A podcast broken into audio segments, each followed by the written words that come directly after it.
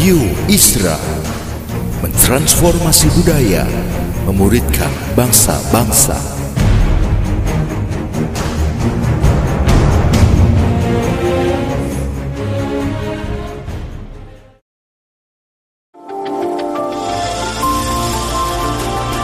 Voice of Pradaim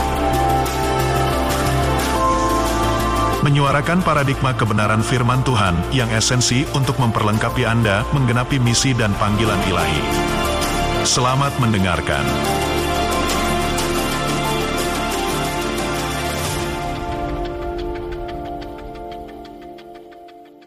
ingin berbicara tentang satu tema namanya bagaimana kita punya sudut pandang ilahi dalam kehidupan ya. Jadi ada ada perspektif ilahi ya, ada ada divine perspektif begitu ya, ada sudut pandang ilahi yang harus kita miliki. Nah, Bapak Ibu semua, sebetulnya begini, dalam kehidupan kita ini kita akan harus memutuskan banyak hal ya, keputusan buat bisnis, keputusan buat nanti masa depan anak-anak kita, keputusan buat keluarga, keputusan apa pun yang akan kita harus putuskan di depan ini. Ada banyak keputusan yang harus kita buat. Nah, ternyata begini memang. Keputusan apa pun itu akan punya resiko yang harus kita tanggung. Ya, jelas kan?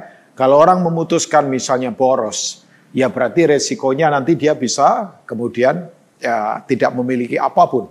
Kalau saya bilang boros, nggak hanya soal uang saja, tapi ada orang yang boros waktu, ya waktu dipakai untuk sia-sia, maka kemudian yang dapat hasilnya adalah ya itu ketidakbermaknaan bisa saja terjadi.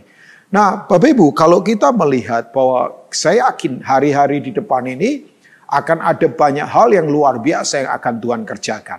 Ya, makanya kalau kita melihat misalnya, Bapak Ibu bisa lihat di kejadian pasal yang ke-13.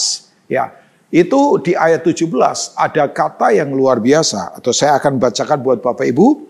Nanti kita sebetulnya poin saya akan membacakan di kitab 2 Korintus pasal yang keempat. Saya akan membaca di ayat itu. Tapi coba kita lihat. Ini kan ceritanya begini bahwa uh, Abram dan Lot itu saking banyaknya uh, domba ternak yang mereka dapatkan sering kali di lapangan gembala-gembala mereka suka uh, itu tuh bertengkar ya karena mungkin lahan terbatas dan sebagainya. Jadi Abram berkata begini, Lot kita kerabat, begini saja nggak baiklah kalau gembala-gembala kita bertengkar.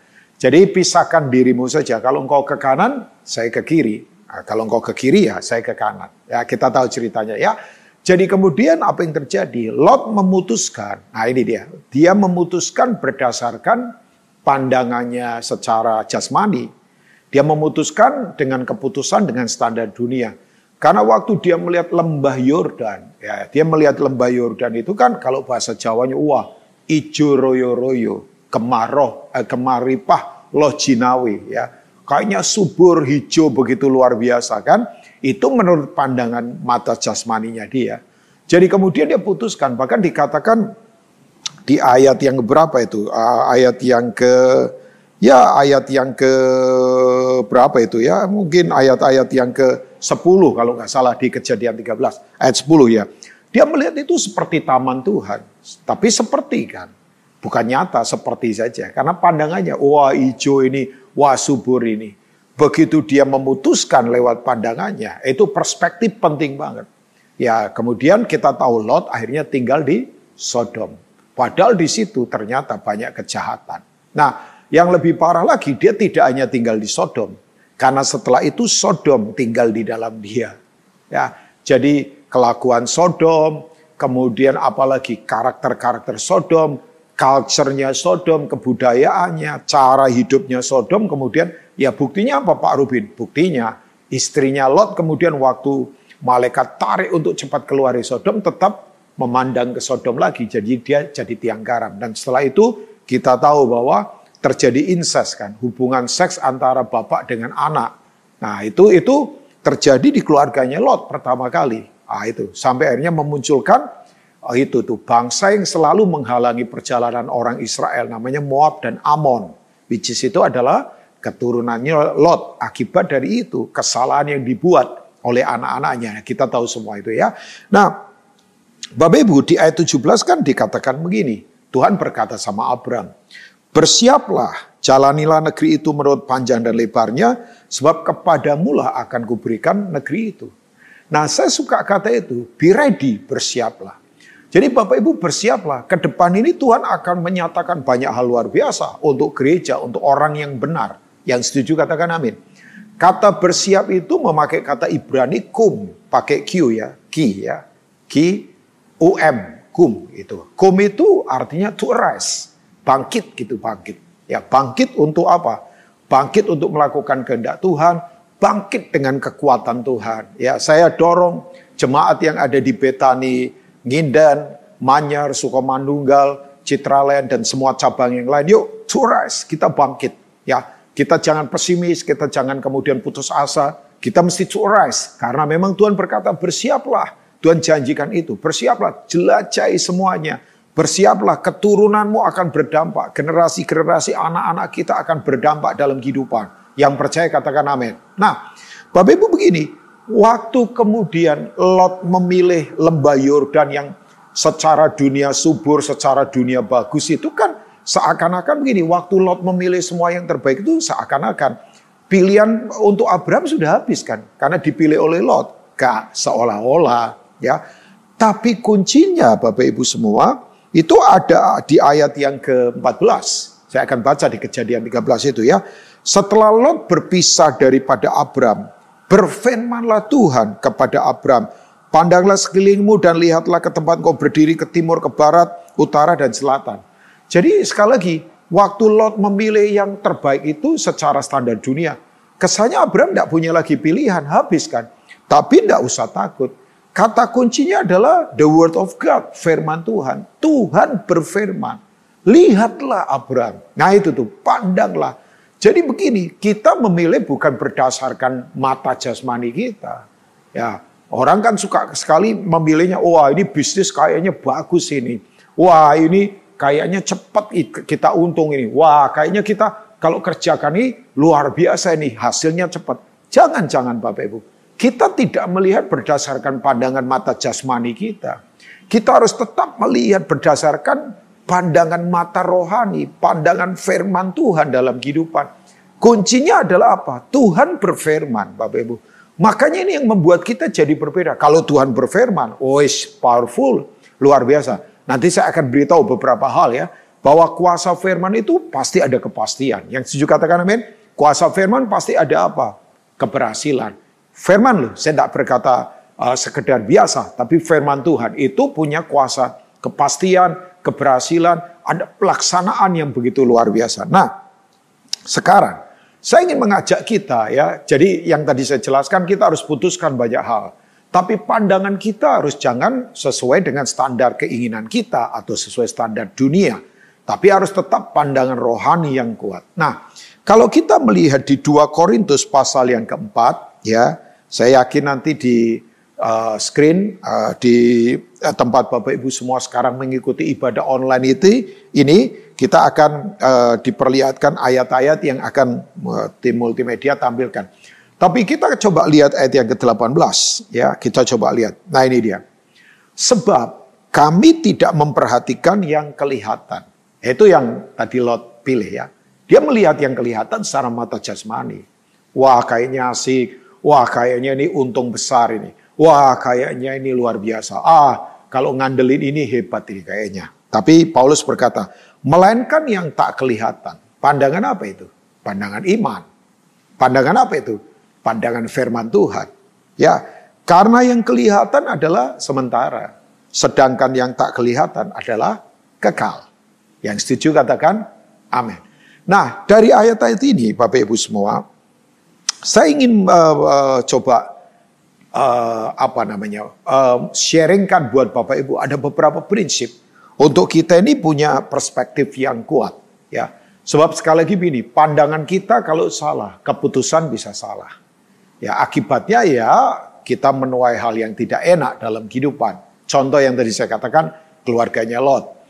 Nah, akibat pandangan yang salah juga, orang kemudian bisa gampang apa? Terintimidasi, gampang putus asa, gampang kecil hati, gampang tawar hati, ya kan? Karena orang kalau melihat bahwa masalah lebih besar dari Tuhan. Yang terjadi adalah yaitu tadi. Kemudian ya dia gampang terintimidasi dalam kehidupan. Enggak. Padahal Tuhan jauh lebih besar daripada apa pun. Tuhan dahsyat. Tuhan tak terkalahkan dalam hidup kita. Ya, amin. Buat firman Tuhan itu ya. Nah, kalau kita melihat yang pertama prinsipnya begini Bapak Ibu. Ini prinsip yang sederhana. Yang saya ingatkan lagi untuk Bapak Ibu semua. Saya yakin Bapak Ibu sudah tahu prinsip-prinsip ini. Tapi as a servant of God, sebagai pelayan Tuhan, hamba Tuhan, saya mengingatkan ini. Yang pertama adalah ini dia. Kita ini harus selalu membangun manusia batinia kita, manusia rohani kita itu dari dalam harus kuat. Ya, sebab kekristenan kan berbicara tentang bagaimana membangun manusia batinia kita kuat. Ya, bukan soal apa yang ada di, di luar. Sebab ini adalah soal pandangan iman Bapak Ibu ya. Sebab kalau sekali lagi kita punya pandangan sesuai dengan apa yang Tuhan mau, Makanya kalau orang tanya, Pak kalau begitu keintiman dengan Tuhan tidak bisa ditawar-tawar. Betul banget. Ya, jadi hubungan intim dengan Tuhan yang disebut dengan yadah itu ya, yadah, keintiman itu ya, itu memang tidak bisa tidak bisa kita tawar-tawar. Mazmur 46 jelas katakan ayat 11, Be still and know that I am God. Ya, diamlah, ketahuilah akulah Allah. Nah kalau kita tidak pernah diam, ya bagaimana kita bisa tahu siapa dia? Kalau kita tidak tahu siapa dia, taunya adalah apa? Masalah, taunya adalah apa? Tekanan hidup, taunya adalah kebutuhan, ya kita kemudian gampang dikalahkan. Nah diam itu tidak pasif kan Bapak Ibu. Diam itu nggak gampang loh. Diam itu artinya kita menanggalkan keakuan, menanggalkan pengalaman, menanggalkan kita merasa bisa kan. Bahwa diam itu itu seperti bahasanya Yesaya 40 kan. Menanti-nantikan Tuhan. Let's go and let's God. Itu artinya totally surrender. Kita berserah total pada Tuhan. Betul-betul menjadikan dia menjadi Tuhan dalam kehidupan kita. Nah, ternyata membangun manusia batinnya itu berhubungan dengan apa? Dengan apa sebetulnya? Ya, orang berkata, apakah membangun manusia batinnya itu adalah roh terus misalnya? Ya, oke okay lah. Tapi bukannya sekedar kita lakukan-lakukan kebiasaan seperti misalnya nyanyi lagu rohani kuat dan sebagainya. Oke, ternyata membangun manusia batinnya itu adalah implikasinya kepada kehidupan mentalitas kita yang kuat, Bapak Ibu. Ya, jadi mentalitas kita mesti harus betul-betul kuat. Ini adalah akar yang betul-betul luar biasa. Oke, saya akan mengajak Bapak Ibu semua jemaat di Betani Nginden, Manyar, Sukomanunggal, dan Citraland, dan tentunya cabang-cabang yang lain yang Tuhan Yesus sayangi kita coba lihat Mazmur pasal 92 sebentar ya. Uh, mulai ayat yang ke-13. Coba kita lihat kitab Mazmur pasal yang ke-92. Kita lihat ayat yang ke-13 sampai kemudian ya beberapa ayat saya akan bacakan buat Bapak Ibu. Nah Alkitab berkata begini nih, ah, ini dia. Orang benar, orang benar ya, highlight kata itu, orang benar orang yang mentaati Tuhan, orang yang punya sudut pandang firman, ya akan bertunas seperti pohon korma, akan tumbuh subur seperti pohon aras di Libanon. Coba Bapak Ibu ya lihat saja di Google. Kalau Bapak Ibu lihat pohon aras, itu tumbuhnya di mana? Di bebatuan-bebatuan karang. Kan kita tahu daerah Palestina, daerah Israel, itu kan bebatuan karang kan. Bapak Ibu kalau yang mungkin pernah ke sana waktu uh, lakukan misalnya ziarah ke sana, kita kalau lihat bebatuan dan sebagainya, tapi itu pohon aras itu tumbuh subur dan sangat kekar. Makanya pohon ini sering kali dibuat untuk ya untuk pondok-pondok dan sebagainya. Karena memang kuat ini pohon aras di Libanon ini. Nah, mereka yang ditanam di bait Tuhan itu akan bertunas di pelataran Allah kita. Kalau dikatakan bait Tuhan ini tidak sekedar bangunan kan Bapak Ibu. Ini bicara tentang hadirat Tuhan ya ada di mana saja ya bukan hanya soal gedung gereja gedung hanya alatnya saja ya. Gedung gereja kan tempat ya orang kemudian bersekutu bersama-sama. Tapi ini soal hadirat Tuhan. Nah dikatakan begini pada masa tua pun mereka masih berbuah menjadi gemuk dan segar. Untuk memberitakan bahwa Tuhan itu benar bahwa ia gunung batuku dan tidak ada kecurangan padanya. Yang setuju katakan amin. Saya suka sekali bahwa orang benar itu bertunas kuat mereka yang ditanam di bait Tuhan itu akan bertunas. Itu kata itu muncul. Jadi ini semua ada di kedalaman Bapak Ibu, ada di kedalaman. Yang betul-betul kita mesti harus bangun secara kuat. Nah, saya percaya begini Bapak Ibu. Orang kalau mentalitasnya kuat, sudut pandang pikirannya kuat, maka yang terjadi apa? Oh, banyak hal. Sebab begini Bapak Ibu, dalam roh kita itu kan ada tiga fungsi. Ya, kita mesti uh, menyadari ini fungsi penyembahan. Itu roh itu. Makanya Yohanes 4 berkata Tuhan mencari penyembah-penyembah. Tuhan tidak cari penyembahan. Tuhan cari worshiper. Ya, Tuhan tidak tidak tidak gila penyembahan kok. Ya, enggak lah. Tuhan itu enggak kemudian uh, apa sih namanya? Ya, kekurangan apa sampai harus mesti di di di apa begitu ya dipuji-puji baru Tuhan gambar dirinya kuat. Enggak. Tuhan itu gambar dirinya sungguh sempurna ya. Tapi Tuhan itu cari penyembah, orangnya worshiper. Nah, itu itu di roh kita adalah fungsi itu ada pada kita. Makanya kita mesti menyembah dalam roh dan kebenaran, spontan, tidak dibuat-buat, itu identitas kita. Tapi di roh kemudian ada yang namanya pewahyuan. Ya. Nah, kemudian yang berikutnya lagi adalah hati nurani, Bapak Ibu ya. Hati nurani itu begini, hati nurani itu Kemampuan untuk bisa bedakan yang salah mana, yang benar mana. Ya, sorry, ada orang bisa lulusan doktor atau lulusan profesor, ya, dia punya gelar doktor atau mungkin dia punya gelar master, bahkan mungkin dari dari luar negeri. Tapi kalau tidak bisa bedakan salah dan benar, ah, itu problemnya ada di manusia batin itu. Pernah lihat gak ada orang pinter tapi nipu? Oh banyak pak. Pernah lihat gak ada orang yang lulusan luar negeri, misalnya tapi kemudian berantakan semua, keluarga berantakan, keuangan berantakan, karakter berantakan. Nah itu tuh masalahnya ada di roh. Ya, nah sebab begini Bapak Ibu, kalau kita punya batin ya kita kuat, sudut pandang kita akan berbeda. Karena begini, semua yang ada di dalam kita dikuasai oleh roh Tuhan sendiri.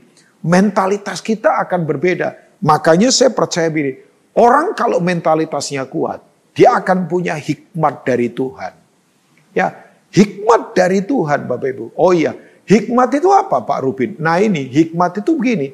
Hikmat itu ketajaman firman Tuhan. Ya, untuk betul-betul begini, menjadikan hidup kita ini pasti karena firman Tuhan di tengah dunia yang tidak pasti. Makanya saya percaya, di tengah dunia yang tidak pasti ini, Tuhan dengan hikmatnya akan membuat pasti dalam hidup kita. Yang percaya katakan amin. Bahwa di tengah dunia yang tidak pasti, semua nggak pasti loh Bapak Ibu sekarang. Keamanan nggak pasti, bayangkan. Ya kita prihatin kan. Amerika sekarang rasisme naik. Bahkan naiknya lebih dari 100% loh bayangkan. Ya di beberapa saat terakhir ini sejak saya kemarin ngobrol sama satu kakak rohani saya. Dia punya saudara di Amerika, Anaknya lulusan Amerika, belum lama pulang dari Amerika. Dia berkata, ada beberapa gereja bahkan sudah ditempelin stiker-stiker ya oleh gereja-gereja Indonesia nih. Ada ditempelin stiker. Ya tulisannya provokatif banget. Keluar dari sini kalian. Kalian ini adalah ah, itu disebutnya kung flu, tahu Bapak Ibu. Bukan kung fu, tapi kung flu. Flu gitu. Wow, karena mereka berkata ini virus dari dari dari Asia ini, bayangkan. Wah, jadi saya, saya berkata, ya ampun. Ya kita tahu lah kalau Bapak Ibu ikutin media berita misalnya. Serangan secara ver, ver, verbal, secara fisik, secara kata-kata, rasisme begitu luar biasa. Makanya betul nggak ada tempat yang aman di bumi ini. Kecuali satu, hadirat Tuhan. Ya, makanya saya dorong jemaat yang ada di Betani Ngindan, Betani Manyar, ya di uh, Sukomanunggal, Citraland, cabang-cabang lain, semua kita Yuk adalah pada batinia yang kuat dalam kehidupan. Supaya sudut pandang kita jadi lain. Sudut pandang kita harus kemudian begini. Betul-betul kuat karena Tuhan. Nah saya yakin Bapak Ibu semua. Ini waktunya kita harus hidup dalam hikmat Tuhan. Ya, Hikmat itu ada ketajaman surgawi. Yang membuat semua pasti di tengah dunia yang tidak pasti. Nah jelas. Hikmat itu akan menghasilkan apa? Pola hidup kan. Yakobus 3 ayat 17. Hikmat dari atas itu murni, peramah, pendamai, ya tidak munafik, tidak memihak, buah yang terdiri dari kebenaran dan sebagainya. Bapak Ibu bisa baca. Jadi hikmat itu selalu menyerang keegoisan dan kedagingan. Hikmat itu selalu menyerang keegoisan dan kedagingan. Hikmat itu murni, murni itu tidak bercampur. Hikmat itu eh, kemudian apa? Tidak gampang pemarah. Itu sudut pandang semua. Begitu melihat kondisi apa pun, respon selalu benar. Karena memang sudut pandangnya kuat sebab batinnya kita kuat. Dan yang kedua Bapak Ibu, nah ini yang akan saya sampaikan buat Bapak Ibu. Untuk kita ini punya sudut pandang ilahi dalam kehidupan. Ya, tidak ada cara lain. Kita harus align. Kita ini harus align dengan Tuhan. Kita ini harus sepikiran dengan firman Tuhan. Katakan sepikiran Bapak Ibu. Ya, kita itu harus apa sih namanya? Synchronize. Kita ini harus punya keselarasan. Saya suka bahasa itu ya selaras hidup kita dengan firman Tuhan. Ya. Nah, Bapak Ibu begini, ciri orang yang kuat adalah begini. Dia itu bisa menyelesaikan semua masalah dan keinginan apa pun dengan kuncinya satu, dengan firman Tuhan. Ah itu tuh. Ya kalau kita berkata Bapak Ibu, semua yang ada di kehidupan ini sudah ada dalam firman Tuhan. Makanya kalau kita punya sepikiran dengan firman Tuhan. Saya tadi di awal sudah katakan Bapak Ibu, bahwa firman Tuhan itu punya apa? Kuasa kepastian. Firman Tuhan itu pasti Bapak Ibu. Firman Tuhan itu punya kuasa pelaksanaan. Apa yang firman Tuhan laksanakan tidak mungkin gagal. Tidak ada kekuatan apa pun yang bisa menjegal, menggagalkan, ataupun kemudian mencegah firman Tuhan terjadi. Yang setuju katakan amin. Dan yang berikutnya, firman Tuhan itu punya kuasa keberhasilan. Pasti berhasil. Ya kan? Makanya Yosua 1 berkata, jangan lupa engkau memerenungkan dan memperkatakan firman itu. Karena itu membuat engkau bertindak hati-hati ya sesuai dengan firman yang tertulis yang kamu renungkan itu dan perjalananmu akan apa Bapak Ibu? Berhasil. Perjalanan kita akan berhasil karena firman Tuhan. Nah, saya ingin mengajak kita Bapak Ibu ya. Kalau orang itu tidak sepikiran lagi dengan firman Tuhan, maka pikirannya bisa diperbudak oleh ketakutan, oleh intimidasi, oleh atmosfer yang salah. Padahal firman Tuhan itu ya dan amin. Nah, saya ingin mengajak kita, coba Bapak Ibu membaca Yesaya pasal 55. Nah ini dia ya. Yesaya 55 Alkitab berkata ini. Saya percaya yang suka baca Alkitab akan tahu ayat-ayat ini ya. Yesaya 55 berkata bahwa uh, saya mungkin mulai akan membaca ayat yang ya ke-8 lah kita baca ayat-ayat ini Yesaya 55 Ayat yang ke-8, Bapak Ibu bisa lihat di screen mungkin, tapi bisa lihat di Alkitab kita juga ya. Sebab rancanganku bukanlah rancanganmu, dan jalanmu bukanlah jalanku. Seperti demikianlah firman Tuhan, seperti tingginya langit dari bumi. Demikianlah tingginya jalanku dari jalanmu, dan rancanganku dari rancanganmu. Jadi kalau Bapak Ibu sekarang misalnya, planning sesuatu kok belum terjadi, yang kita ekspektasikan kok sepertinya nggak terjadi yang sesuai kita harapkan. Jangan kecewa. Ya, sebab ini Tuhan punya jalan lebih tinggi daripada jalan kita. Tuhan punya rancangan lebih hebat daripada rancangan kita. Makanya betul menyerah pada rancangannya Tuhan. Ya, caranya bagaimana? Nah, ini dia. Yesaya kemudian tiba-tiba berpuisi. Ayat yang ke-10 ini puisi. Sebab seperti hujan dan salju turun dari langit, tidak kembali ke situ. Ini lawatan ya, turun ya. Kan kalau Bapak Ibu lihat hujan, saya paling senang kalau lihat hujan. Ya, makanya saya suka berkata begini, paling asik itu menangis di tengah hujan. Sebab air mata kita jadi tidak kelihatan. Orang tidak perlu tahu. Yang penting Tuhan tahu. Ya, saya itu masih ingat dulu ya, suka hujan-hujanan. Ya, sekarang kadang-kala kena hujan di kepala saya pusing ya. Usia memang ya. Saya yakin Pak Aswin dan yang lain yang seusia-usia ya sudah 50-an naik Ah, kadang-kadang kita tidak tahan kan dengan dengan air hujan ya. Saya kalau dulu masih masih ya teenager begitu saya masih ingat. Kalau lagi nangis membutuhkan apa karena tidak ada kemampuan, saya suka nangis di tengah hujan. Pas lagi hujan begitu saya nangis. Ya, nggak ada orang yang lihat karena tetesan air mata saya kan tertutup oleh curahan hujan. Tapi Tuhan lihat ya, ya itu tuh. Tapi hujan kalau turun Bapak Ibu yang terjadi begini, yang kotor-kotor jadi dibersihkan darah-darah akibat dari kecelakaan, eh, akibat dari orang putus asa, ada pembunuhan, ada apa ya. Kemudian ya luda-luda yang kotor, kotoran-kotoran binatang, yang najis-najis misalnya. Ini gambaran ya. Itu dibersihkan, itu lawatan. Ya, jadi apa yang terjadi kemudian? Nah ini dia. Melainkan mengairi bumi, membuatnya subur dan menumbuhkan tumbuh-tumbuhan, memberikan benih kepada penabur dan roti kepada orang yang mau makan. Luar biasa ya. Sangat natural sekali. Ya, jadi ada kehidupan, ada benih, ada pohon yang kemudian tumbuh, ada buah yang bisa dinikmati. Nah ini dia, setelah dia berpuisi, tujuannya dia berkata, demikianlah dia berkata. Inilah, percayalah inilah, firmanku yang keluar dari mulutku. Ia tidak akan kembali kepadaku dengan sia-sia. Tetapi ia akan melaksanakan apa yang kukendaki dan akan berhasil dalam apa yang kusuruhkan kepadanya. Jemaat Betani yang percaya katakan, amin. Firman punya kepastian. Firman punya pelaksanaan yang kuat. Firman punya keberhasilan. Saya ulangi. Firman punya kepastian. Firman punya pelaksanaan yang kuat. Firman punya keberhasilan dalam kehidupan. Nah, saya dorong Bapak Ibu, yuk. Mari align kita dengan firman Tuhan. Mari kita selaras dengan firman Tuhan. Mari kita renungkan itu. Biarkan firman menjadi sudut pandang kita. Makanya Amsal 4 nanti Bapak Ibu baca ayat yang ke-20 dan seterusnya. Perhatikanlah perkataanku. Ya, ya, sendengkanlah telingamu. Jangan itu menjauh dari matamu. Simpanlah itu di lubuk hatimu karena itu akan menjadi kesembuhan buat kita. Yang sakit terimalah kesembuhan dari firman Tuhan. Ya, kemudian jagalah hatimu dengan segala kewaspadaan karena dari situlah terpancar kehidupan. Nah, yang kita jaga apa? Firman. Kalau nggak ada firman, apa yang mau kita jaga? Bapak Ibu, miliki ini. Saya tutup dengan yang ketiga. Ah ini.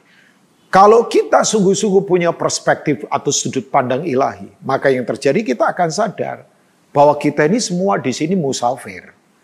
Ya dong, kita ini bukan ada di tempat yang sesungguhnya. Ya, jadi rumah kita, pekerjaan kita, kemudian apa? Fasilitas kita itu hanya tempat transit. Tempat kita sesungguhnya bukan di sini. Makanya Paulus berkatakan, aku tidak memperhatikan yang kelihatan, karena yang kelihatan itu barang, fasilitas, rumah, kedudukan, mobil, perusahaan itu sementara saja. Tapi aku memperhatikan yang tidak kelihatan, yaitu kekekalan. Ya, tapi kalau begitu kita seenaknya saja Pak Rubin, jangan. Kita jangan punya mental fatalistis. Bahkan saya dorong jemaat Betani Inden, Manyar, kemudian Sukomanunggal, Citraland, dan cabang yang lain. Jangan kita punya mental victim, jangan kita punya mental korban. Wah, saya ini susah di sini. Jangan. Kita ini lebih dari para pemenang. We are more than a conquerors. Kita ini lebih dari para penakut karena Kristus. Makanya betul. Kalau orang berhenti berpikir kegagalan, pasti dia berhenti memberi kontribusi di kefanaan. Sebab yang kita tabur kita akan tua di kegagalan. Tapi saya ingatkan, yuk ringan saja di sini. Bapak Ibu tidak perlu berat. Ya, fasilitas, rumah, semua itu hanya tempat transit kok. Tapi tujuan kita di kegagalan. Makanya kita ingat, kita ini para musafir. Kalau kita punya sudut pandang ilahi, oh iya. Jadi kalau lihat orang berhasil nggak usah iri. Kalau lihat oh sesuatu yang terjadi tidak kita harapkan, tidak perlu kecewa, tidak perlu komplain, tidak perlu cynical, tidak perlu sinis, tidak perlu marah, tidak perlu kecewa. Nggak usah Bapak Ibu ya. Sebab perspektif ilahi membuat kita sadar, oh iya, rumah sesungguhnya ada di kekalan. Memerintah bersama Yesus. Makanya sementara kita ada di bumi ini, Tuhan kasih kita waktu kehidupan. Pergunakanlah yang ada. Karena hari-hari ini jahat. Tuhan Yesus memberkati. Saya ingin berdoa buat Bapak Ibu semua. Mari kita ambil waktu sebentar untuk kita merenung. Boleh nggak taruh tangan di dada kita? Semua kita merenungkan apa yang Tuhan sampaikan pada hari ini. Di ibadah, mari kita buka hati bersama. Karena rapa sekete karapa. Tuhan sayangi umatmu. Tuhan berkati umatmu. Hari ini biar firman ini terpatri di hati kami. Memerdekakan siap kami. Hari ini yang lemah dikuatkan. Hari ini yang sakit disembuhkan. Hari ini yang dahaga dipuaskan. Firman yang berkuasa karena punya kuasa pelaksanaan keberhasilan kepastian. Itu ada pada kami. Biar sudut pandang kami kuat. Untuk kami tetap bergerak, berjalan. Bersiap untuk menjelajahi semua hal. Memandang ke depan dengan sudut pandang ilahi Berkati umatmu, berkati jemaatmu. Terus Tuhan berkarya lewat hidup kami. Tuhan dipermuliakan. Dalam nama Tuhan Yesus. Haleluya. Semua kita yang percaya katakan. Amin. Radio Isra mentransformasi budaya, memuridkan bangsa-bangsa.